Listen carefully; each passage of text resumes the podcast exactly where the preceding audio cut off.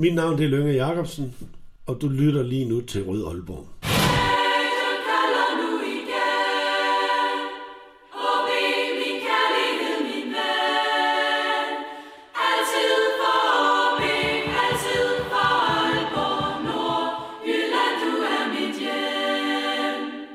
Velkommen til denne udgave af Rød Aalborg, en podcast om OB, produceret OB Support Club. Mit navn er Lasse Ydhegn, og i denne udsendelse der har jeg fornøjelsen af at byde velkommen til OB Sportsdirektør Allan Gorte. Velkommen til dig, Allan. Tak for det. Tak fordi jeg må komme.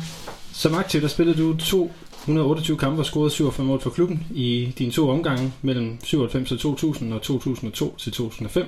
Du var med til at vinde mesterskab i 99 og har været sportsdirektør siden sommeren 13, og det var den funktion, du var med til at vinde både øh, mesterskab og pokaltitel i 2014, så du har altså haft en finger med i spillet i forhold til to af OB's fire mesterskaber.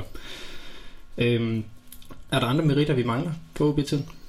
Jeg vil gerne have haft et mål mere på, fordi jeg scorede egentlig et mål nummer 48 på hjemmebane mod AB, hvor den så ramte øh, bagstiveren og røg ud igen. Og efterfølgende så var vi ude med en øh, nedsryger og få den der bagstiver ned. Øh, og så er jeg selvfølgelig lidt træt af, at Rigsgaard han nåede lige at gå forbi mig. Han, han skulle ikke have haft så mange kampe til slut. jeg havde ellers troet, eller troet, du ville komme med et øh, mål for Kiev, men det... Øh... Nå ja, det var, det, det var også for, og nu, nu ripper du virkelig op i det, så rent faktisk, så har jeg scoret lige så mange mål som Rigsgaard. Og han nåede nummer 50, gjorde han ikke? Jo, det gjorde han. Ja, ja. Um, du kan se. Men altså, i dag det er så første gang, du er med i, Rødborg, i Rød Aalborg. Øh, det er en debut. Er du nervøs? Jeg har glædet mig til at komme, men øh, jeg har ikke inviteret mig før, så jeg ved, jeg ved ikke, om det har været personligt, men uh, nej, jeg er ikke nervøs. Jeg synes, det, det er jo uh, super dejligt at være nede i de her lokaler, og man ved, at, uh, at dem, der lytter til det her, det er nogen, som holder af OB, og uh, det gør jeg også, så det, jeg glæder mig kom bare i gang. Yes, men det er jo transfertid, og det er derfor, jeg spurgte, om du har lyst til at komme, mm. og det er også det, der har ligesom udskudt, at det har givet mening at få dig på besøg hernede. Men vi sidder netop her i Fængklubens lokale af Vestbyen, og øh, ja, det er transfertid, så der er sikkert mange spørgsmål, som, som jeg og mange andre OB-fans gerne vil stille, og det er, det er det, vi skal snakke om i dag. Det er mm. transfer, og så rekrutteringsstrategien. Er du klar til det? Du kører på. Fedt. Det er dit 11. transfervindue som sportsdirektør, og alt så har jeg været inde og kigge, at du har hentet 30 spillere ind, og det tæller ikke ungdomsspillere eller folk, der er vendt tilbage for dig. Øh, det er lidt under tre spillere per vindue, og nu har vi så allerede fået Patrick Olsen ind. Hvor meget mere har du en forventning om, at der sker her i løbet af, af sommerens transfervindue? Ja, jamen, jeg tror, der, der kommer til at ske en par ting mere. Øhm, og som siger, der, er jo, der er jo forskellige hovedmål øh, for transfervinduet. Øhm, og selvfølgelig er der også nogle begrænsninger for, hvad jeg kan sidde og fortælle i dag. Ja, ja, det, det, så det er sådan ligesom en varedeklaration, kan man sige. Ja, det, men, det tror jeg, vi alle sammen forstår, men jeg kommer ja, til at stikke lidt til dig alligevel. Bare for, du skal bare stikke, stikke til. øh, øh, men man skal sige, hovedmålene i transfervinduet, det er jo, at dels så vi, har vi ligesom også lovet bestyrelsen, at vi også skal sælge til et ansenligt beløb, øh, hvilket også betyder, at... Øh, Altså, vi, vi, skal, vi skal have en transfer ind, og så skal vi gøre så lidt skade på holdet som muligt. Øh, det er jo ligesom også et, et mål i den del. Så det andet mål, det er, at vi skal styrke nogle, øh, nogle positioner på holdet. Blandt andet på midtbanen, øh, i og med, at vi jo har sagt farvel til Rigsgaard, vi har sagt farvel til, til Wirtz, og, og det er også planen, at, øh, at øh, Philip og Lesniak og OB øh, skal tage afsked med hinanden på et tidspunkt i det her vindue. Så derfor øh, skal vi styrke os der, og det har vi allerede gjort med Patrick. Øh, om der sker noget mere der, det, det, øh, det kan være, at det ikke endelig på plads, og så har vi også tidligere talt om øh, og midterstopperne, at, øh, der er vi jo lidt sårbare i og med, at øh, vi har en Okoren Ross, øh, og så har vi en Blåbjerg, øh, og så har vi en fjerdestopper i Anders Bertelsen, som jo har været skadet længe og ikke spillet hele foråret, og optimalt set så har man fire stopper, som er klar til at spille Superliga-fodbold, og lige pt. så har vi jo kun tre hjemme, Anders øh, stadigvæk er skadet, så vi der har vi et mål. Hvad er udsigten i forhold til Anders at komme tilbage på banen? Jamen, øh, han er på vej, og han, øh, jeg var selv ude at løbe intervalløb sammen med ham den anden dag i Holland. Han løb hurtigere end mig, øh, men Øh, Øh, han er her godt på vej, men når man ikke spillet hele foråret, og man, er, og man kommer som U19-spiller, så er det jo ikke en, vi kan regne med på Superligaen i efteråret. Øh, så derfor øh, skal der også ske noget på den position. Okay, så det, det jeg hører dig sige, og det er som mine ord på det, det er midtbane og forsvar, vi kan, vi kan forvente eller regne med, at der i hvert fald bliver arbejdet på noget på. Øhm, hvis vi nu lige tager et skridt tilbage, og så ser på truppen inden Patrick øh, Olsen kom, kom ind. Øh, Hvilken trup er det så, du, du ser, at vi har? Hvad er det, der kendetegner den?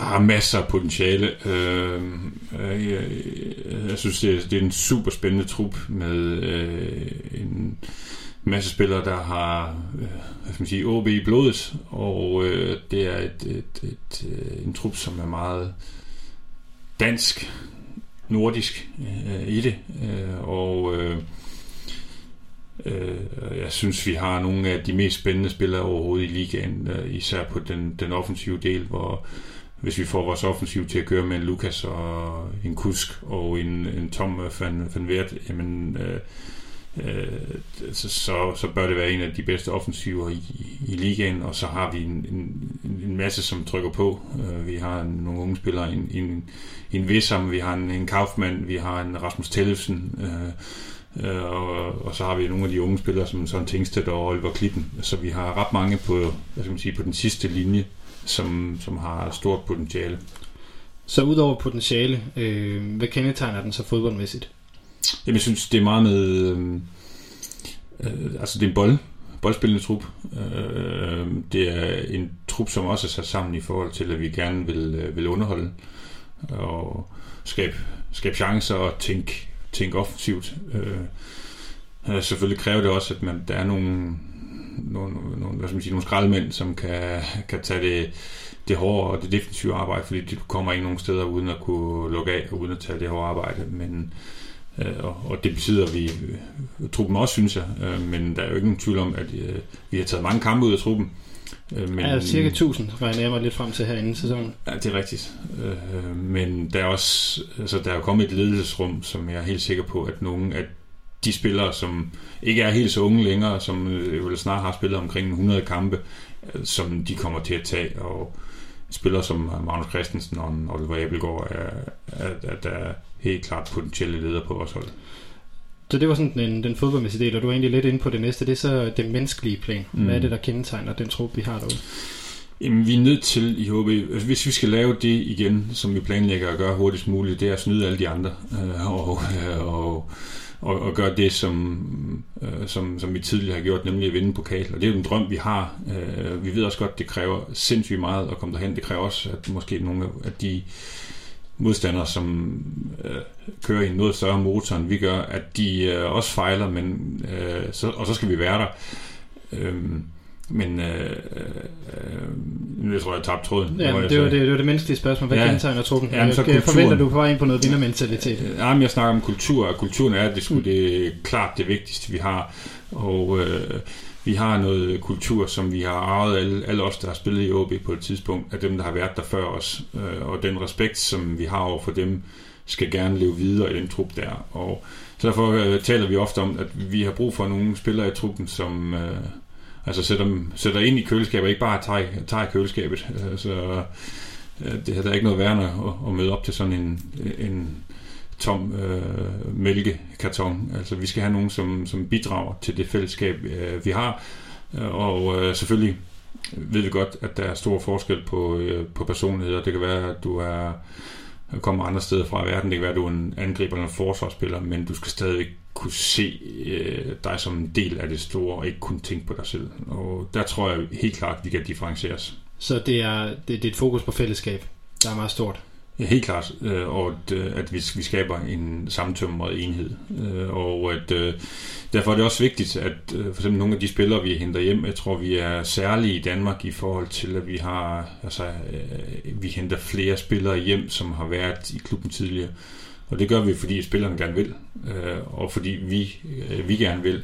Men det er også fordi, at alle de spillere, som har været i OB, øh, der er blandt jeg selv i sin tid, men også utrolig mange andre har, har lyst til at komme hjem og bidrage, fordi man har fået så meget i OB øh, tidligere. Og at hvis vi kan sikre, at en, en Kusk eller en Lukas eller eller hvem nu gang er, at de kommer hjem og så giver noget til de unge, jamen det er sådan en, øh, en god spiral, som vi bare skal, skal fortsætte med. En af grundene til at spørge, det er, at øh, og det, der er jo et billede på så mange fans siden, det er, at der har manglet noget øh, aggressivitet på banen. Øh, og i det, når det, der ligger i det menneskelige spørgsmål her, er, om vi har for mange lidt for pæne drenge i truppen. Ja, det er da også noget, vi diskuterer øh, en, en gang imellem, og sige, hvad er det, altså, altså den nordjyske kultur, altså der, der, den er jo også lidt, øh, altså folkesjælen i Nordland er jo lidt inderskuende. Det er jo ikke sådan, at der, der er fyldt med bræl og røv, øh, hvis vi skal sige det. Øh, men øh, derfor er det også fint, at vi kommer nogen, der, der også kommer med noget andet. At der kommer en Nokor, at der øh, kommer en Patrick Olsen. Øh, og selvfølgelig er det noget med spillemæssigt udtryk. Altså, vi vil, der er ingen tvivl om, at vi vil gerne være, have et mere øh, dynamisk udtryk. Øh, og øh, vi gider ikke bare spille til siden og, og spille, spille på fod. Altså, vi vil også gerne være enormt dynamiske. Og, og det er også en af de ting, som vi har kigget på i, i forbindelse med at hente Patrick Olsen. At det er en spiller, som også har noget, hvad sige, noget, noget dynamik i kroppen. Øh, og øh, Øh, så, så, så det er noget, vi, øh, vi tænker på. Vi ved også godt, at, at lederskab, det er også noget, der kommer, hvis du får, får plads til det. Øh, og øh, og det, det tror jeg, vi vil se nu. Nu siger du dynamik. Øh, vil du, er det også, at du bor, du vil bruge om en Rasmus Øret eksempelvis, bare så jeg har en idé om, hvad for en, en spillertype taler vi om? Helt klart. Jeg ser også Nolvar Abelgaard som værende dynamisk, i, især i sit uh, erobringsspil. Øhm, og en Frederik Børsting er også en dynamisk øh, type. Øh, men vi har også, vi kan godt lide, og vi har ikke MOB i mange år også været gode til at og, som sige, lave nogle spillere, som gerne vil have bolden på fødderne, og så lave et eller andet øh, derude derfra. Mm. Og øh, det kan også godt gøre, at man nogle gange nærmest bliver øh, som siger, spiller lidt for meget til siden, øh, ja. fordi man bare vil beholde bolden, og det er ikke ambitionen. Det, det var lige den lidt, lidt korte indledning. Jeg håber, vi kommer tilbage til det senere, fordi jeg har nemlig nogle cases, som jeg gerne vil dykke ned i, i forhold til, til det her med rekruttering. Øhm, men i det her transfervindue, der har vi for anden gang, nu siger vi, øhm, i din tid som sportsdirektør rykket minimum fem ungdomsspillere op øh, i første Og første gang, det var i 16, hvor Sebastian Grønning, Magnus Christensen, Rasmus Tillufsen, Joachim Mæle og Morten Røgdal og Butikke, de kom, øh, de kom op i truppen. Hvad, for nogle, eller hvad er det et udtryk for, at, at, at vi kan hive så mange op? Igen. Jamen, jeg synes, at øh, allermest så handler det om, at øh, vi har simpelthen løftet vores talentudvikling. Så det, jeg ser det som et øh, kvalitetstegn, at der kommer så mange op. Rent faktisk er det jo seks, der er kommet op, øh, i og med at Mathias Ross er kommet op, hvad skal man sige det, Lidt allerede i, i vinter, og øh, reelt kan Mathias Ross og Mikkel Kaufmann stadigvæk spille u 19 fodbold. Så jeg synes, det er et, øh, det er et kvalitetstegn. Øh, det er jo ikke kun i skal man sige, i OB, de gør det godt. Altså, de, de fleste af dem er starter på vores U19-landshold, øh, så, så det er ikke kun i Nordland, at de er dygtige, det er det også faktisk øh, nationalt set, og, og det er et øh, kvalitetsstempel. Selvfølgelig er det også et udtryk for strategi, øh, fordi der bliver også lavet gode spillere andre steder i Danmark, men hvor de ikke får spilletid. Øh, og vi har i OB valgt at gå lokalt, øh, simpelthen sats på Nordjylland, sats på at udvikle vores samarbejdsklubber derude, sats på at udvikle miljøerne, og sats på at give spilletid til vores øh, unge spillere. Og øh, det er jo noget, jeg personligt er mega stolt af, at vi gør, øh, og jeg har også noget, jeg håber, at, øh, og noget, jeg, jeg synes også, jeg mærker, at det er noget stolthed, som man også man har blandt vores fans, øh, og det skaber noget identitet. Og jeg ved godt, der kan også godt være en grænse for det, fordi man gider ikke at høre om naboens søn, hvis ikke man vinder fodboldkampe. Ja, det vil sige, fordi kritikken kan, som jeg ville skulle tage finde frem, var det her med, at det kan også virke uambitiøst mm. øh, at blive ved med at trække, øh, trække U19-spillerne mm. op, hvis man gerne vil op og, og ligge i top 6, fordi så skal man godt nok være sikker på, at, at kvaliteten er, er høj af det, man hiver op. Ja, men, og, og, og det er jo så den anden side af det, at, øh, men jeg ser det allerede, jeg, ser det meget mere som værende noget, der er mega ambitiøst, fordi det er virkelig øh, svært, og det, øh, men jeg tror også, det er den eneste vej for, for os i OB, fordi hvis, hvis vi siger, at, at vi ikke gjorde det, så skulle vi ud og, og købe os til, øh, til det. Og det er der enormt stor risiko i, at du skulle betale nogle store transfersummer og betale en, en vild stor løn. Og øh, og så kommer du til at konkurrere om noget andet. Altså vi, her får vi ligesom vores sige, konkurrencemæssige position, øh, vores styrke, det er på det her område, og derfor tror jeg, at det er den, det er den eneste rigtige øh, vej. Og selvfølgelig kan det ikke stå alene. Altså selvfølgelig skal vi også ud og hente en Rinde, vi skal hente en Okora. Øh, og, øh, og det kommer vi også stadigvæk ved med, og, og det bliver vi ved med at gøre. Øh, jeg kunne godt tænke mig at spørge, hvad, hvad for nogle tanker har I gjort jer i forhold til at tage så stort et kul op inden en sæson med, øh, med tre nedrykker? Mm. Jamen først og fremmest, altså vi, vi ser det jo ikke som værende, at nu hiver vi bare lige fem op, eller, eller seks med os til sommer, i, i vinters. Altså, det er jo noget, der sker glidende. Så, så, så jeg tror, at en af vores hemmeligheder, det er jo, at de løbende alle sammen kommer og træner med, så de er faktisk vant til miljøet, og de, øh, de er vant til at, at træne med. De er vant til at spille reserveholdskampe sammen med, med holdet. Og vi har jo også investeret en del spilletid i, i dem allerede, i og med, at, at da vi desværre missede top 6, at, at altså, det betød jo, at der også startede sådan set i alle kampe, og Kaufmann har fået en del spilletid, øh, Lukas Klitten har fået en del spilletid, øh, Oliver nåede, Klitten nåede lige at, at komme ind, så, så de har alle sammen snuset til det, forhåbentlig. Vil det betyde, at der vil være mindre bump? Fremover, for vi ved også godt, at en af risiciene ved at spille med de unge, det er også, der vil være nogle øh, variationer i deres præstationer. Øh, men selvfølgelig, det har der, jeg ved men næsten alle bestyrelseslokaler øh, i, i Superligaen været et tema, at nu er vi i en sæson, hvor der er 3 ud af 14, der rykker ned.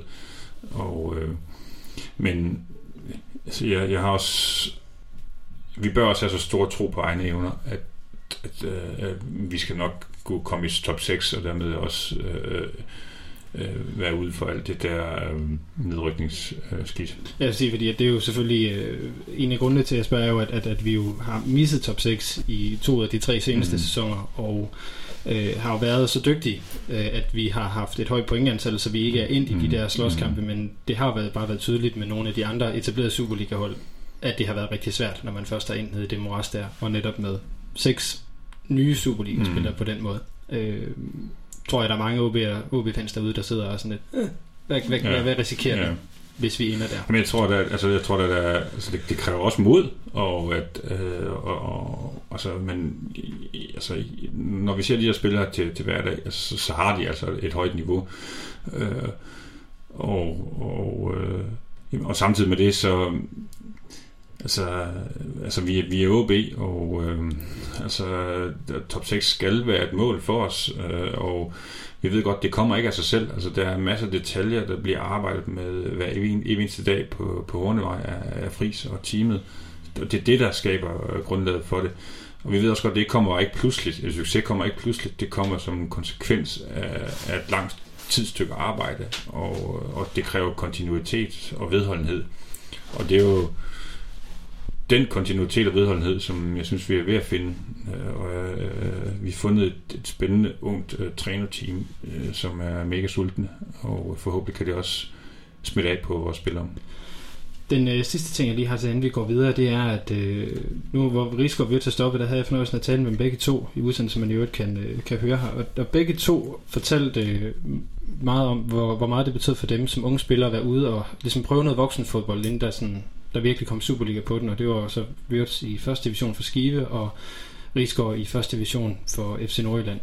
Øhm, er, er det noget, I, I er gået totalt væk fra, at, at prøve at sende spillerne ud på, på græs i nogle lidt lavere rangerende klubber, øh, som en form for modningsproces, og i stedet for så bare slutte ind på første hold? Nej, det er jo hele tiden en, en, en diskussion værdig. Altså, hvad er den rigtige vej? Altså, da, øhm, altså jeg selv, da jeg selv kom op, der spillede jeg også noget at spille anden division i vejen i sin tid, og så videre. Men altså, faktum er jo også, at, at Rigsgaard øh, jo, jo sådan set var ved at nærmest stoppe sin fodboldkarriere, øh, og på det tidspunkt ikke øh, ansås øh, for at være god nok til Superligaen, og derfor jo blev lejet ud. Så kommer han så tilbage og er heldigvis øh, så stor karakter, at han kunne slå igennem. Og, og Wirtz kom jo fra en, skal man sige, en mindre klub. Øh, men der er også bare sket det siden, at vores talentmiljø er blevet øh, 100 gange bedre. Og så de spillere, der kommer op i dag fra vores talentmiljø, de er meget mere klar, fordi vi gør et meget bedre stykke arbejde i, i OB, men ikke kun i OB, men det generelt i Danmark. Og derfor er det, vi diskuterer meget, det er, at hvad er det for et miljø, vi tilbyder dem, hvis de røver ud i en, i en mindre divisionsklub? Altså, hvad er, er det godt nok miljø i, kontra det at være som sige, truspiller det første år i OB? Og altså, vi har ikke noget endeligt svar, men det er, øh, altså, og det kan også godt være et mix, at man rent faktisk kan træne et par gange i OB, og så kan man gå ud og spille noget første eller anden division. Øh, men det kræver så også, at den klub, de kommer ud til, det er så det andet, at det er, hvis, de, hvis man kommer i første klub, så skal de også ture spille dem, og man ser også i mange første klubber, de tør ikke at spille de unge spillere, øh, fordi de tænker også på den der øh, kamp i weekend, hvor, hvor, hvor, det kræver noget hår på brystet. Og, og, og så, hvis de skal sidde på bænken, jamen, så styrker det i hvert fald ikke deres udvikling.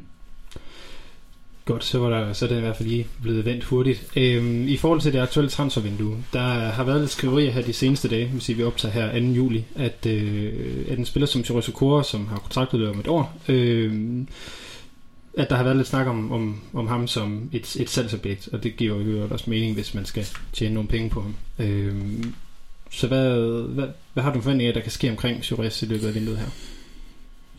Jamen altså først og fremmest, øh, at Jurez blev spurgt om, om han øh, på et tidspunkt skulle videre, og han siger, jamen det kan jo godt være, eller jamen det kunne da være spændende, hvis det kom en rigtig klub, jamen det har vi det fint med, fordi øh, vi ved også godt, at det er, vi vil gerne have spillere, der er sultne, og spillere, øh, klubber, der, eller øh, spillere, der er ambitiøse. Øh, så så det, det har jeg det, det super fint med.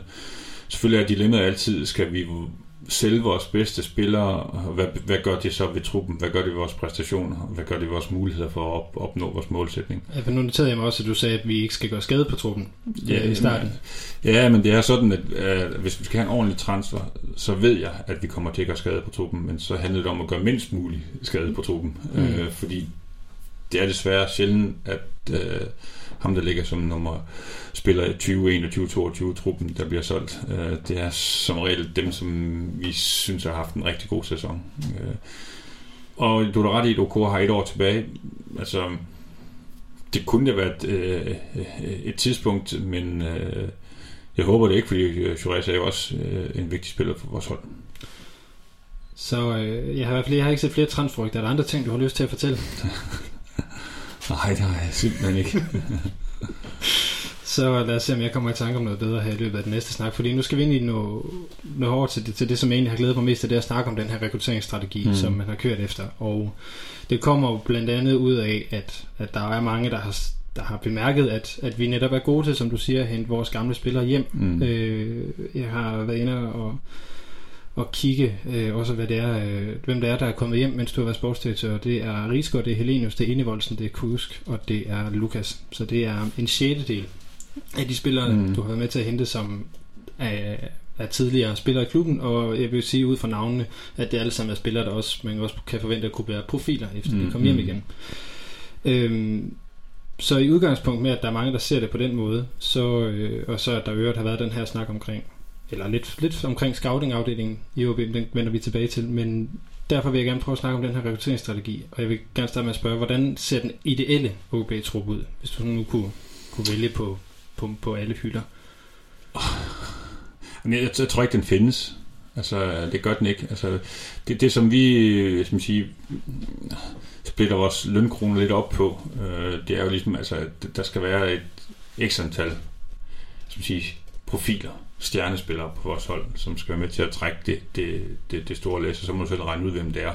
Øhm, og, og så er der så en, en større gruppe af udviklingsspillere, øhm, som, ja, som vi jo ikke øh, øh, at det kommer af ordet, at vi ikke ved, hvor, er, hvor de er henne lige pt, men som skal udvikle sig, og så kan forhåbentlig blive profiler. Og så er der sådan en mellemgruppe, kan man også godt sige, som er sådan en, man sige, moderat økonomi, med en, øh, og, og, og, som kommer og gerne skulle levere øh, fra dag i dag, men, men som ikke nødvendigvis man får den store transfer for på et tidspunkt.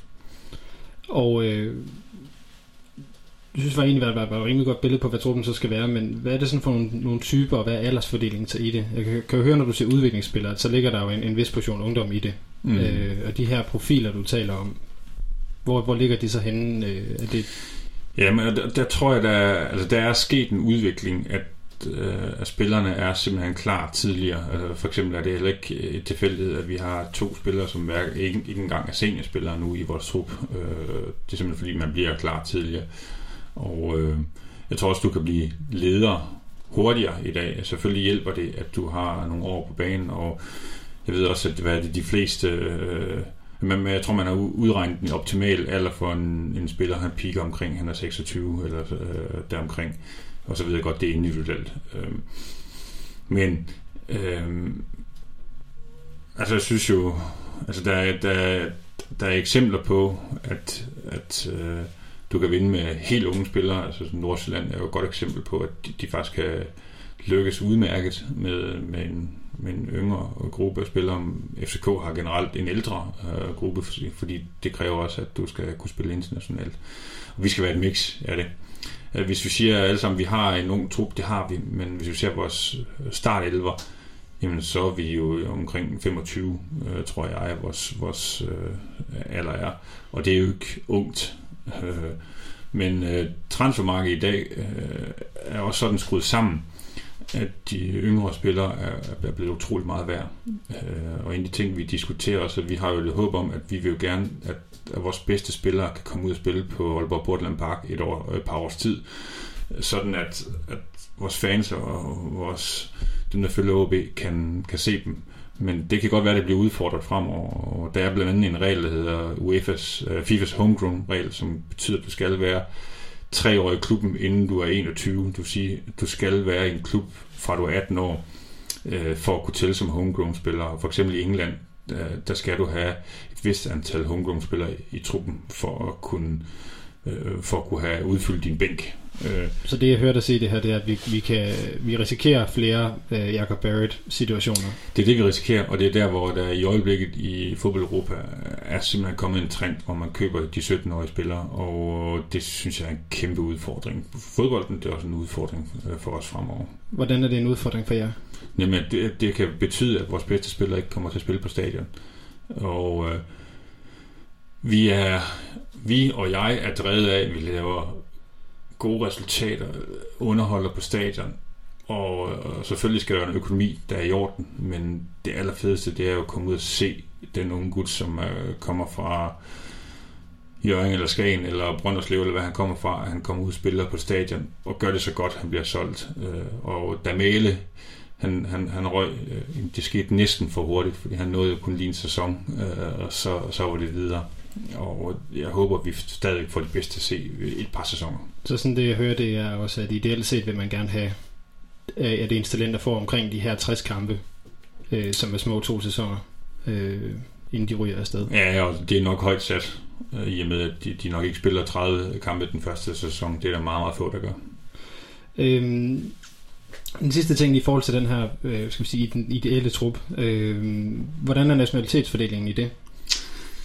Jamen altså, vi har jo, som man siger, for bestyrelsen står vi på mål for, at uh, minimum 50% af truppen er, er, egen avl. Altså, så 50% er, nordjyske drenge, ikke ja. også? Ja, og der ligger vi jo i øjeblikket langt over det tal, og det, kan, det vil regulere sig lidt over tid, kan man sige. Hvis det er dejligt, at du får nordjysk nævnt som nationalitet. ja, det er ikke det. Jamen, det er det næsten også. Jeg tror, det, men i hvert fald... Øh, det er jo ikke nogen race, tænker jeg, men det er nok mere et område.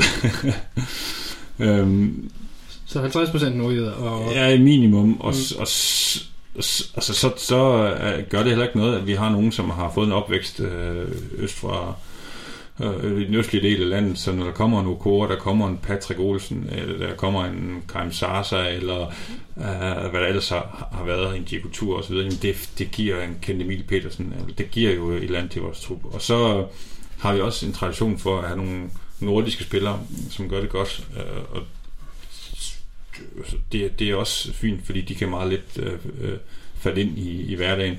Og så synes jeg også, at det er vigtigt, at vi engang imellem rammer en, en Bergog eller en Elson Flores, øh, eller, eller vi er i Østeuropa. Altså det, det, altså, det er mere personligheden, der er vigtigt, der er i nationaliteterne. Ja, øh, en grund til at spørge, spørge til nationaliteten er jo, at øh, hvad hedder det, det er i over 20 års jubilæum for mesterskab i 99, som virkelig var markeret af nogle meget, meget stærke nordiske spillere, som jo også har, mm. sige, for mig er det et, et billede på en OB-trup, det er, at der også løber nogle svensker og nogle nordmænd rundt, som kommer med noget udefra mm. og bidrager på den måde. Men lad os prøve at gå, gå lidt over til, til scouting-delen, fordi det har I været forholdsvis åbent omkring, og ikke været øh, voldsomt prioriteret i de senere års investeringer, som man har lavet mm. i, i klubbens infrastruktur. Øh, kan du sætte noget et ord på, på den øh, prioriterings Jamen, det er klart, altså... Det, I alle fodboldøkonomier er, er presset. Øh, vi har har i hvert fald været det al den tid, jeg har været i OB, øh, været ret presset på, øh, hvordan er det, du prioriterer dine ressourcer. Så derfor skal vi tænke os godt om, hvordan vi bruger dem.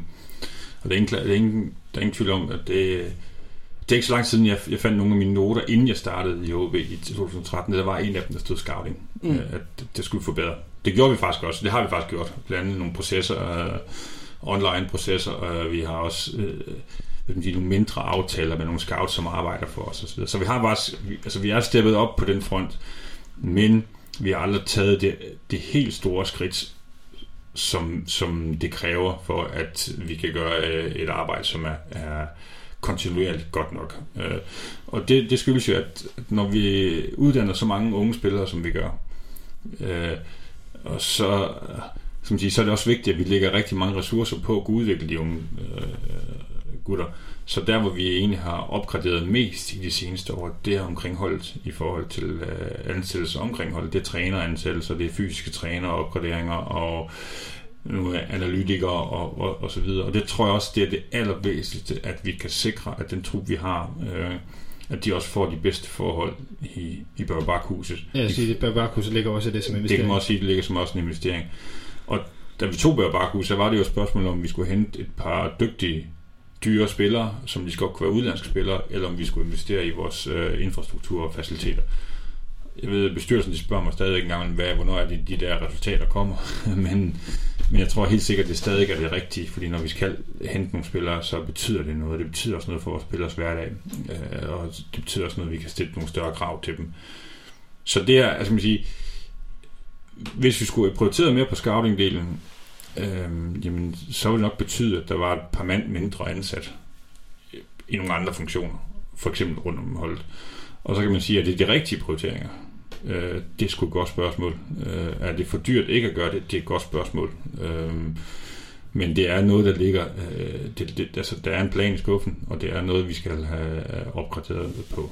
Det vil sige, jeg er heller ikke interesseret lige i øjeblikket, om det er den rigtige eller den forkerte mm, beslutning. Mm. Jeg er mere interesseret hvad betyder det så for dit arbejde, at du ikke har det her scouting-netværk på ja, samme måde? Ja, jamen, det betyder, at vi er nok mere, jamen, vi er mere reaktiv en proaktiv, og vi vil gerne have været mere proaktiv. Vi vil gerne kunne være lidt mere foran øh, og kunne hurtigere e-, eksekvere. Det er jo sådan i dag, at mange af de øh, analyser, vi laver på spillerne, dem laver vi jo sammen med trænerteamet. Ikke? Så der, vi har egentlig ikke et, et, vil sige, helt ben, der hedder scouting-del. Og det er jo sådan, at når jo, jo større klub du kommer i, der sidder jo simpelthen, jeg ved ikke, ekstra antal mand i, i en afdeling, der hedder scouting-afdeling. Og, og, og, det har vi ikke gjort, og vi er ikke, vi er ikke ret meget, altså vi, jeg tror vi, altså der er få klubber i Danmark, der virkelig har opgraderet på den del, øh, skal siges, men Ja, men vi skal gøre noget på den del. Det vil øh, helt sikkert være med til at sikre, at vi laver et, et bedre stykke arbejde. På den måde, vi skal også, vi skal ikke bare sende en scout ud på må og få, og som et eller andet hovedløs øh, høne, der render rundt og ser fodboldkampe hele tiden. Altså sådan, sådan skal vi ikke gøre det. Altså vi, vi skal finde vores måde. Og det er blandt andet også at bruge data, og derfor har vi også ansat øh, øh Jim, så noget nyt i det her transfervindue er rent faktisk, at en del af den screeningproces, som vi har, den grove screeningproces, den foregår meget på data. Øh, og det gør jo, at, at vi meget hurtigt kan sige, om det er værd at bruge mere tid på den her spiller eller ej. Og så, hvis det er værd at bruge mere tid på ham, jamen, så rører det over til nogle af trænerne, som så sidder og evaluerer på det, og så i fællesskab, så tager vi en vurdering, passer det i forhold til den profil, vi vil have. Fordi det er sådan, at vi laver en profil på de positioner, vi kigger på, og siger, det er de her egenskaber, han skal have. Og er det fodboldmæssige egenskaber? Det er ikke det hele. Det kan også være mentalitet. Det kan også være noget med, med, med ledertyper. Øh, og det kan også være noget med noget erfaring. Øh, så for eksempel øh, i midter, midterstopperne, det bliver ikke en, hvad skal man sige, en, en udviklingsspiller, fordi dem har vi. Altså, vi har en Mathias Ross, vi har en Anders Bertelsen, vi har også øh, en Tomo, som kommer ned fra U19 af. Så det, det er blandt andet det. Og, og det kigger vi så efter og så prøve at se, om vi kan matche det. Og vi kan aldrig matche det 100%, øh, fordi det, vi er ikke første vælger, men på de væsentlige ting skal vi kunne ramme den. Mm. Jeg har lyst til at sige Markus Holgersen som eksempel her, som nok var en af dem, som ikke ramte så meget inden for skiven. Ja, men han ramte øh, en af de allervæsentligste ting med Markus dengang, det var, at, øh, at han var en leder, og han kunne gå forrest i truppen. Øh, og øh, den udfordring kommer så bare, hvis man ikke 100% leverer på banen, jamen, så bliver den også, så bliver også have spørgsmålstegn ved den del. Øh, og som siger, så den ledersdelen, den ramte ramt den 100% på, men desværre opnåede vi ikke de præstationer, som vi håbede. Øhm, hvad hedder det? Udforstående, når man ikke har prioriteret scouting på den her måde, så kan det godt ses som om, at der bliver lagt et ekstra ansvar på dine skuldre i forhold til at hente nogle spillere ind. Hvordan har du oplevet det? Jamen sådan ser jeg det ikke. Jeg ser det selvfølgelig, at, at øh, der bliver et større arbejde i forhold til håndtering af det, fordi altså, jeg ved ikke, mængden af agenter er uendelig. altså, så det er sådan en, en, en sort gryde, som der bliver ved med at komme nye agenter op af. Og, og håndtere det i sig selv er bare en, en kæmpe arbejdsproces. Og, og, og som siger, det vil jo, altså den byrde vil blive lettet noget, hvis, man, øh, hvis vi havde et større setup, det er klart. Øh, men altså, det er jo ikke sådan, at vi ikke scouter, det er jo ikke sådan, at vi ikke øh, screener spillere, men, øh, men, men det, jeg ser det ikke som en større ansvar på min skulder, for jeg ser det hele som et ansvar. Altså, så, så som siger, har vi prioriteret anderledes, jamen, så har jeg bare set nogle huller nogle andre steder. Altså det er sådan ligesom, øh, når du vender ryggen til noget, øh, jamen, så er det jo noget, du ikke ser, og, og, og kigger du på noget, så vokser det som regel, og, og, og sådan har det været lidt øh, i forhold til vores prioriteringer. Øhm, når vi nu går tilbage til, til det her med, at, at fem af de her 30 spillere, du har hentet, det har været spillere, man har hentet tidligere, har det også, udover at det selvfølgelig er kultur, der betyder noget, har det også ligget i, at det nogle gange har været nemmere at hente spillere ind, men man, man kendte så godt i forvejen? Uh, jeg tænker ikke, det er nemmere. Altså, for nogle gange er det også dyrt. Altså, altså, øh, men jeg synes, vi opnår en, en sikkerhed for, hvad de vil levere. Så, så som jeg sige, det er også en forsikring, mm. vi betaler for at få nogle af de her spillere hjem. Øh, fordi vi ved, at øh, de er sultne, vi ved, at de kan gå direkte ind øh, på holdet, og vi ved, at de kan levere. Og mange af dem er jo ikke fordi, at det er deres sidste dage. Altså det er jo faktisk altså nærmere et, øh, hvad skal man sige, et, et håb om, at vi på et tidspunkt kunne skyde med af igen. Så Lukas er et godt eksempel. Øh, og Kusk har stadig, han er jo i sin bedste fodboldalder. Og det tror jeg er, er væsentligt, at vi ikke rammer nogen, når de bare er færdige. Jeg vil sige, at af de fem her, der er det jo sådan set også kun Rigsgaard, der har været sådan rimelig oppe i årene, men stadigvæk evnet at være en profil øh, på holdet, da han kom tilbage jo. Ja, det er jo øh, en af de allerbedste signings, kan man sige, øh, fordi han gik jo ind og gjorde det, som vi var i tvivl om, han kunne gøre, og det, det gjorde han til fulde. Øhm, se, nu har øh, vi sidder i en kælder her, der er lidt motorcykelstøj udenfor. Hvad hedder det? Øhm, nu, du har været lidt inde på, hvorfor man har valgt at hente nogle af de her kendte spillere, eller vil sige, OB-kendte spillere tilbage. Øh, det ligger meget i, i, i kulturen, og du har også sagt, at øh, man også kigger på andet end det fodboldmæssige, lederskabsmæssige ting osv., når man henter en spiller. Øh, så hvad har I fokus på, eller er der andre ting, I har fokus på, end de ting, du har nævnt indtil videre, når der henter spillere ind?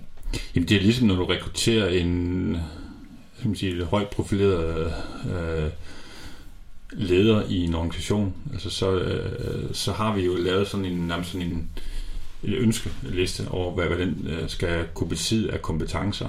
Øh, og det er jo meget specifikt i, i, i fodbolddelen, fordi når vi henter en højre bakke ind, jamen, så ved vi lige, hvad vi gerne vil have øh, fra ham.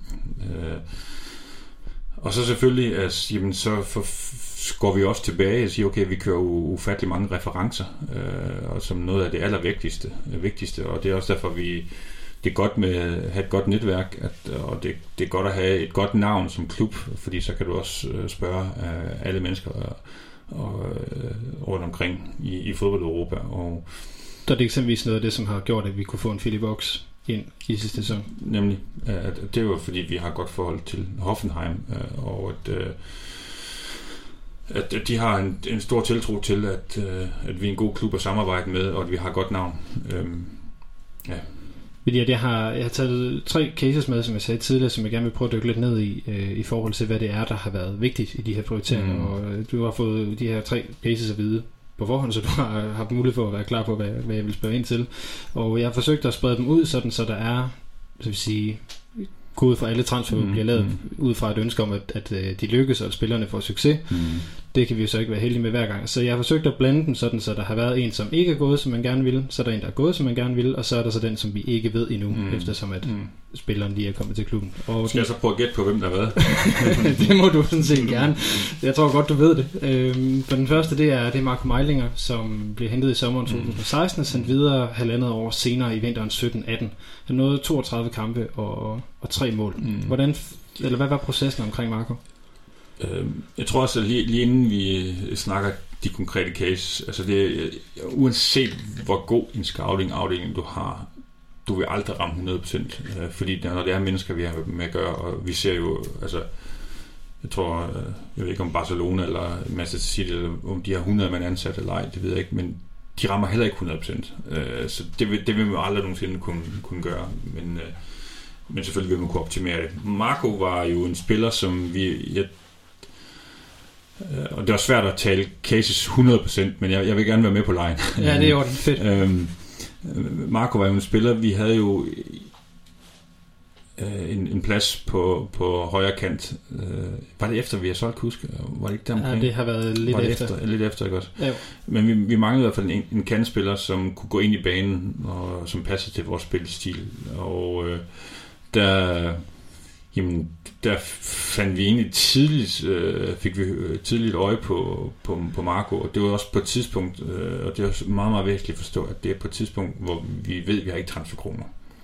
Så, så når du ved, at du ikke har transferkroner, så ved du, så, så er der også et kæmpe del af markedet, som du overhovedet ikke kan se på, fordi dem kan du simpelthen ikke få ud. Øh, så du skulle, have, du skulle finde nogle spillere, som på en eller anden mærkelig måde bliver transferfri. Og det var så nogle spillere, vi ved selv, at de spillere, der er transferfri hos os, og det, vi helst ikke have ret mange, der er, men, men det er nogle spillere, som ikke lykkes af en eller anden årsag. Og øh, det var så nogle spillere, vi skulle ud og finde, og det var nogle, vi skulle se et potentiale i, som de ikke indløste der, hvor de var. Og der var Marco jo i øh, Austria Wien, også en stor klub i Østrig, og han var sådan inde og ude af holdet og blev brugt lidt i forskellige positioner. Øh, og øh, vi kom i kontakt med øh, agenten, og, og okay, så tænkte, det her var interessant. Jeg tror, han var... Altså, der var jo en liste på minimum fem spillere, hvor han var en af dem, vi synes var interessante. Så øh, havde vi et par mand ned at se på, øh, blandt andet Paul Erik, og jeg tror, der var et, et, en mand mere, hvor vi... Så, Så- det, så- nu skal jeg lige afbryde, men det er også den her periode, hvor Lars Søndergaard var træner, som jo også er kendt for at have et forholdsvis bredt netværk i Østrig, Mhm. mm-hmm. eller kendelsespiller i Østrig, mm-hmm. så jeg går ud fra, Mhm. at det også spillede ind i forhold til, at man havde ham i, i kikkerten. Jamen, det gør i hvert fald, at altså, Lars er jo tidligere været i Austria Wien selv, øh, en del år siden, så det gør også til, at man, altså, man, vi kender jo klubben nærmere, når Lars har været så tæt på, men jeg tror, jeg kan ikke engang huske, hvor det, hvor det stammede fra rent faktisk, men det var jo en østrigsk agent, som vi begge to udmærket kendte, øh, som, som havde den øh, kontakt. Og, og så var vi nødt og kigge på ham live, live uh, scoute ham, og, og ser jo, i dag er det jo sådan, at man har adgang til alt Y-scouts, så altså, du kan jo se, altså du kan se hans, alle hans kampe de sidste fem år jo, og så kunne man se, hvad han er dygtig til, og det, det der vi blev mærke i fra starten af, det var jo, at han var, havde enormt godt venstreben. Øh, og det var også det, vi fik se med det samme, han kom øh, til klubben. At det, det var jo, han fik en rigtig god start, og han, Spillede en fantastisk god kamp i Randers, kan jeg huske. Ja, og op til starten, der var han, der var han fremragende, og vi var helt sikre på, at der havde vi skudt papegøjen i, i forhold til det. Men inden vi signede ham, der var vi jo, der rejste både Lars og jeg til øh, Wien, og hvor vi mødte ham og kæresten og agenten, og havde nogle gode samtaler med omkring, hvad er det for en klub, han vil komme til, og hvad han var for en person. Øhm, og øh, derfor var vi ret sikre på, at det kunne være et godt match. Øhm, så lad os prøve at hoppe, hoppe videre, fordi du har nemlig en bagkant, som vi også lige er nødt til at forholde os mm. til Mhm. i, i det her. Mm. Øh, den anden case, det er så Jakob Rinde, Mm. øhm, som hentede i sommeren 17 har forløb, forløbig spillet 69 kampe. Øh, og for mig der står Rinde jo som den her klassiske OB-transfer, Mhm. mm. en nordisk spiller, man, man, man fisker i udlandet, og så kommer ind som en, en profil, og også lykkes med, med at være en profil. Hvad, hvad var jeres øh, tanker i forhold til, til Rene? Jamen, Jakob var egentlig en noget hurtigere case, fordi at øh, Jakob er også et klassisk eksempel på, hvordan transfermarkedet virker. Altså, du ved ikke i starten af vinduet, det er fordi, nu er vi også allerede, eller vi er også i starten af vinduet her 2. juli, og der er mange spillere, som går rundt derude og tror, at de skal være en del af det setup af, som de er en del i dag, og de tror ikke, de kan komme ud. Og så kan der nogle ting, der ændrer sig. Og det var det, der skete med, med Jakob, at øh, vi vidste først på et senere tidspunkt, at der var en mulighed. Og, øh, og så gik det bare øh, enormt stærkt, fordi vi vidste også godt, at Jakob, det var ikke en spiller, der var ledet på markedet øh, særlig længe.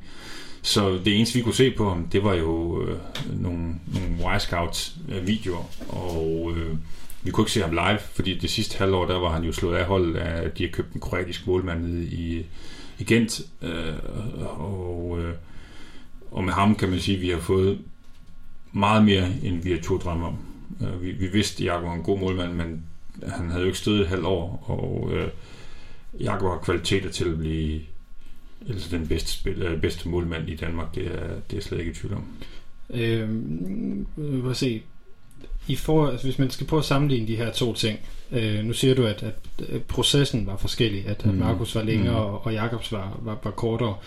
Øhm, hvad er det så, der er udslagsgivende for, i forhold til, hvor godt de så lykkes, når man hiver dem ind? Er det, er det bare et simpelt tegningkast? Eller? Nej, det handler også om kvalitet, kan man jo også sige, på, på, på spilleren, og så handler det også om omstændigheder, hvordan er det, vi spiller som hold. Og der er det måske nogle gange lidt lettere som keeper, at du er mere øh, som siger, afhængig af dig selv. Altså, Øh, som, som midtbanespiller, som for eksempel Marco, så er det jo et øh, afgørende, at resten af holdet også fungerer. At han har også nogen at spille sammen med, for eksempel. Øh, så det er ikke kun terningkast. Men det kræver også, altså du kan se en Mæle, som nu er det bedste eksempel på, at han slog igennem lynhurtigt, og hvis du spurgte træner og hans holdkammerater et halvt år inden, så ingen af dem troede på, at han ville slå igennem så hurtigt. Men pludselig så fik han muligheden, fordi der var skader på vores hold, og så tog han den. Øh, og, og det er så det, du, du kalder terningkastet i det, er, at det kræver også nogle omstændigheder, det kræver noget, det kræver også, at du får noget medvind på, på cykelstien fra starten af. Øhm, så lad os gå til den, den tredje, som jo så er Patrick Olsen, som, som vi lige har fået ind. Og Mm. mm. grunden til, at jeg tog, tog Patrick med i det her, det er jo for det første, at han er ny, så det er ikke en Mm. case, vi ved, hvordan udvikler sig. Mm. Øhm, men også, at han, som jeg ser det i hvert fald, er en type, som ikke, øh, eller ikke på samme måde var i truppen i forvejen, netop, øh, nu brugte du ordet dynamisk om det Mm. før, men at han er en af de her lidt mere sådan klassisk dynamisk, eller vil måske mere kalde det en aggressiv spillertype. Mm, mm. Øh, hvad, har, hvad har processen omkring Patrick været? Patrick er en spiller, vi har sådan havde, også da de var Superligaen, en spiller, som man har bidt mærke i, og synes var interessant. Selvfølgelig har også bidt mærke i, at det var en spiller, som ikke fået forløst sit potentiale. Vi vidste alle sammen godt, uh, Inder, vi vidste godt, at han har været uh, i, i flere forskellige klubber, og, og selvfølgelig er det, det er noget af det, der har gjort os lidt skeptisk. Men efter vi dykkede mere ned i det, og, og, og ligesom, ligesom sådan et, et stamtræ, kan man sige, hvad, hvad er det egentlig, der er kommet forud, og så har vi ligesom forstået, at øh, hvad det er for nogle ting, der er sket, i, for eksempel i Inter, hvorfor er det, han skulle videre derfra, hvorfor har han været i så mange klubber, hvad er det for nogle omstændigheder, Ja, for han har været i otte klubber på otte år. Mm. Og, øh, og der, der er jo der er mange omstændigheder, der gør det. Og han har helt sikkert også dummet sig nogle gange, øh, men har også gjort det fantastisk andre gange, hvor han blandt andet fra, da han var i Haugesund, spillede en kort periode i Haugesund, men han gjorde det så godt, at han blev solgt med det samme nærmest til Lens, hvor han jo spillede fast i den, i den, i den franske liga. Øh, og så var der nogle omstændigheder, som vi ved også selv i vores egen klub, altså hvis, der, hvis man skifter træner, så er det nogle gange øh, Jeg tror, at Philip Lesniak vil også sige, at jamen, der er jo sket noget siden, at, øh, at vi skiftede træner, at pludselig så er man helt ude. Og sådan er det også bare nogle gange. Øh, nogle træner har nogle forskellige profiler, de, de gerne vil have beholdt. Og, og derfor, altså, vi, vi har givet Patrick en, en chance, og nu den første kamp, han har spillet, var nu ude mod Ajax øh, i weekenden, og, og det levede mere end det fulde op for øh, det, vi havde håbet på, så lad os bare få mere af det. Og øh, altså, vil sige sådan en, en, en, dansk spiller, som øh, har været et stort talent, og har klaret mm. sig Mm. godt, det har vi jo ligesom prøvet før i forhold til en, en Kasper Slot, som jeg gerne vil sige, jeg var meget begejstret, mm. da Mm. vi hentede øh, Mm. Kasper til, til klubben. Hvad for nogle overvejelser gør jeg, eller hvad har I lært, vil jeg hellere spørge, i forhold til at, at, at få sådan en, en, en spiller ind, som, som har været skrevet så stort op, og som ikke rigtig har lykkes? Jamen, det vil altid været en risiko, øh, og uanset hvem det er. Altså, det, men du kan tage et andet eksempel, Anders K. Jacobsen. Altså, jeg er helt sikker på, at der var mange andre... Altså, det, det var den første signing, jeg var med til at have ansvaret for. Og det er vel en af de bedste, tænker jeg. Og jeg er helt sikker på, at det halve Superligaen så på Anders K. I, på det her tidspunkt, og synes han var interessant. Men de var også i tvivl om, havde den rigtige mentalitet, og var det en, der havde noget overlæggeren og så videre. Men vi tog chancen, og det viser sig at være en afgørende signing for vores øh, mesterskab og europæisk deltagelse. Og modsat kan man sige, at Kasper, det har vi troet, det var det samme. Øhm, øhm, men det lykkedes ikke. Og øh, så eftertiden vil vi fortælle om, om Patrick, hvor, hvor, hvor det bliver henad. Øh, det, der er så også vigtigt, det er jo også, det er jo ikke, altså det er jo ikke nogle spillere, vi går ud og betaler kæmpe transfers for. Det er nogen, vi har en mulighed for at hente inden for sådan en, en, en rimelig økonomi. Og så det er også et, øh, jeg synes, det er, det er klart risikoen værd. med, med i forhold til, hvad I har, hvad I har lært, altså hvordan har, har processen været anderledes i forhold til at hente dem ind? Nej, men jeg synes også, det var grundigt omkring Kasper. Altså, det, det, det synes jeg. Og, Jeg vil understrege, det var ikke for at sige, at jeg ikke tror, den var Nej, grundigt nej. omkring Kasper. Nej, nej. men Nej, nej, men jeg, jeg, jeg tænker bare, at altså, øhm, altså du, du kan jo du kan sidde og tale med mennesker, og, og, øhm, og, og det er jo, altså, det handler om adfærd i sidste ende, så uanset hvad du siger, så handler det om, hvad er det, du leverer på banen, hvad er det for en adfærd. Og du er en del af en trup, som er 25 mænd, øh, og der er 11 mænd, der starter. Det kræver også, at der er en cheftræner, der tror på dig, og du får nok chancer til det. Øhm, og, og så må du levere. Hvis ikke du leverer, så er det jo bare sådan, der du er i en konkurrencesituation. Øh, Men det er sådan ligesom, når du nærmest er på et aktiemarked, du køber et potentiale øh, øh, og betaler for at få potentiale ind, og så håber jeg, jeg at vi med vores mennesker omkring holdet kan få forløst det potentiale. Det troede vi med Kasper, det tro- tror vi med, med, med Patrick, det fik vi forløst med, med Anders øh, AK. Og øh, ja, og så er det som siger, læring er, at jamen det, altså det, jeg siger ikke, at vi aldrig vil gøre det igen, for det vil vi. Fordi det, det er sådan nogle bets, som vi er nødt til at tage, og så må vi bare tro på, at det miljø, som vi kan tilbyde dem, er så godt, at de nok skal få forløst deres potentiale. Øhm, godt svar. Tror jeg, jeg egentlig bare vil sige til det. Øhm, den sidste ting, jeg lige har undret mig over, og det er fuldstændig uden for de her case, det var jo, det, at verden kom i nærheden af, af Flores dengang. Det, det er jo lidt uden for... Ja, men det var også egentlig nogle, hvad skal man sige, altså det er sådan, at agentverden fungerer sådan, at der- er, øh, altså der, der, de arbejder meget i partnerskab rundt omkring. Så for eksempel, hvis man har god kontakt i Europa, jamen, så har de som regel nogle partnere Øh, rundt omkring i verden. Det kan være Afrika, det kan være Sydamerika, og det kan være USA osv.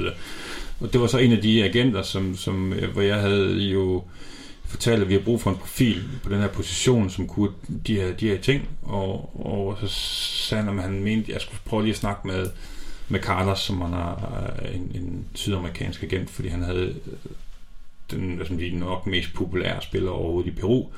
Og vi troede faktisk, at det var, det var ikke muligt det her, men vi fik så Carlos øh, til Danmark, og, øh, som repræsenterede Edison, og havde en lang snak, og vi kiggede ret hurtigt og, og tænkte, okay, han havde behov for et sted, hvor han kunne udvikle sig øh, i sådan nogenlunde trygge rammer, øh, men han skulle til Europa igen, og han havde brug for et step, før han skulle komme til et større liga i Europa, for det var målet. Øh, og, og den, som siger, øh, både agenterne og, og Edison og os, også, vi, vi turde at tage den, det sats, og, og, og øh, nu så jeg, var det i forgårs, hvor han sparkede det sidste øh, straffespark og sendte øh, Peru i, i semifinalen i, i Copa America. Øh, øh, og jeg var over at se ham til VM sidste år, hvor han jo også spillede en fremragende slutrunde. Og gjorde så også, at vi endte med at faktisk tjene en god sum penge på ham. Desværre må vi også sige, at det potentiale, som han har, Edison, det så vi alt for få gange øh, på Aalborg Portland Park, fordi det vi så i hverdagen, det, det var det var nogle gange noget andet. Øh, øh, og det er også derfor, det er så spændende og så tricky at få det ud nogle gange. Og kulturforskellen om sprog og tilpasning osv. Det var en større udfordring, end vi havde, vi havde, vi havde, vi havde turde øh, drømme om. Men så er der jo så også lidt lærepenge i, i det, kan man sige. Det er det, og jeg synes den bedste, altså jeg synes, vi, det, var- det endte med at være en rigtig god case. Være så godt casen er faktisk lidt sammenlignelig, og endte jo med at være den mest fantastiske case, vi nogensinde har lavet. Og, og det kræver altså, at der er et miljø, som understøtter det. Øh, og det gjorde de også omkring Edison, og det gjorde de også omkring øh, øh, Bersogok.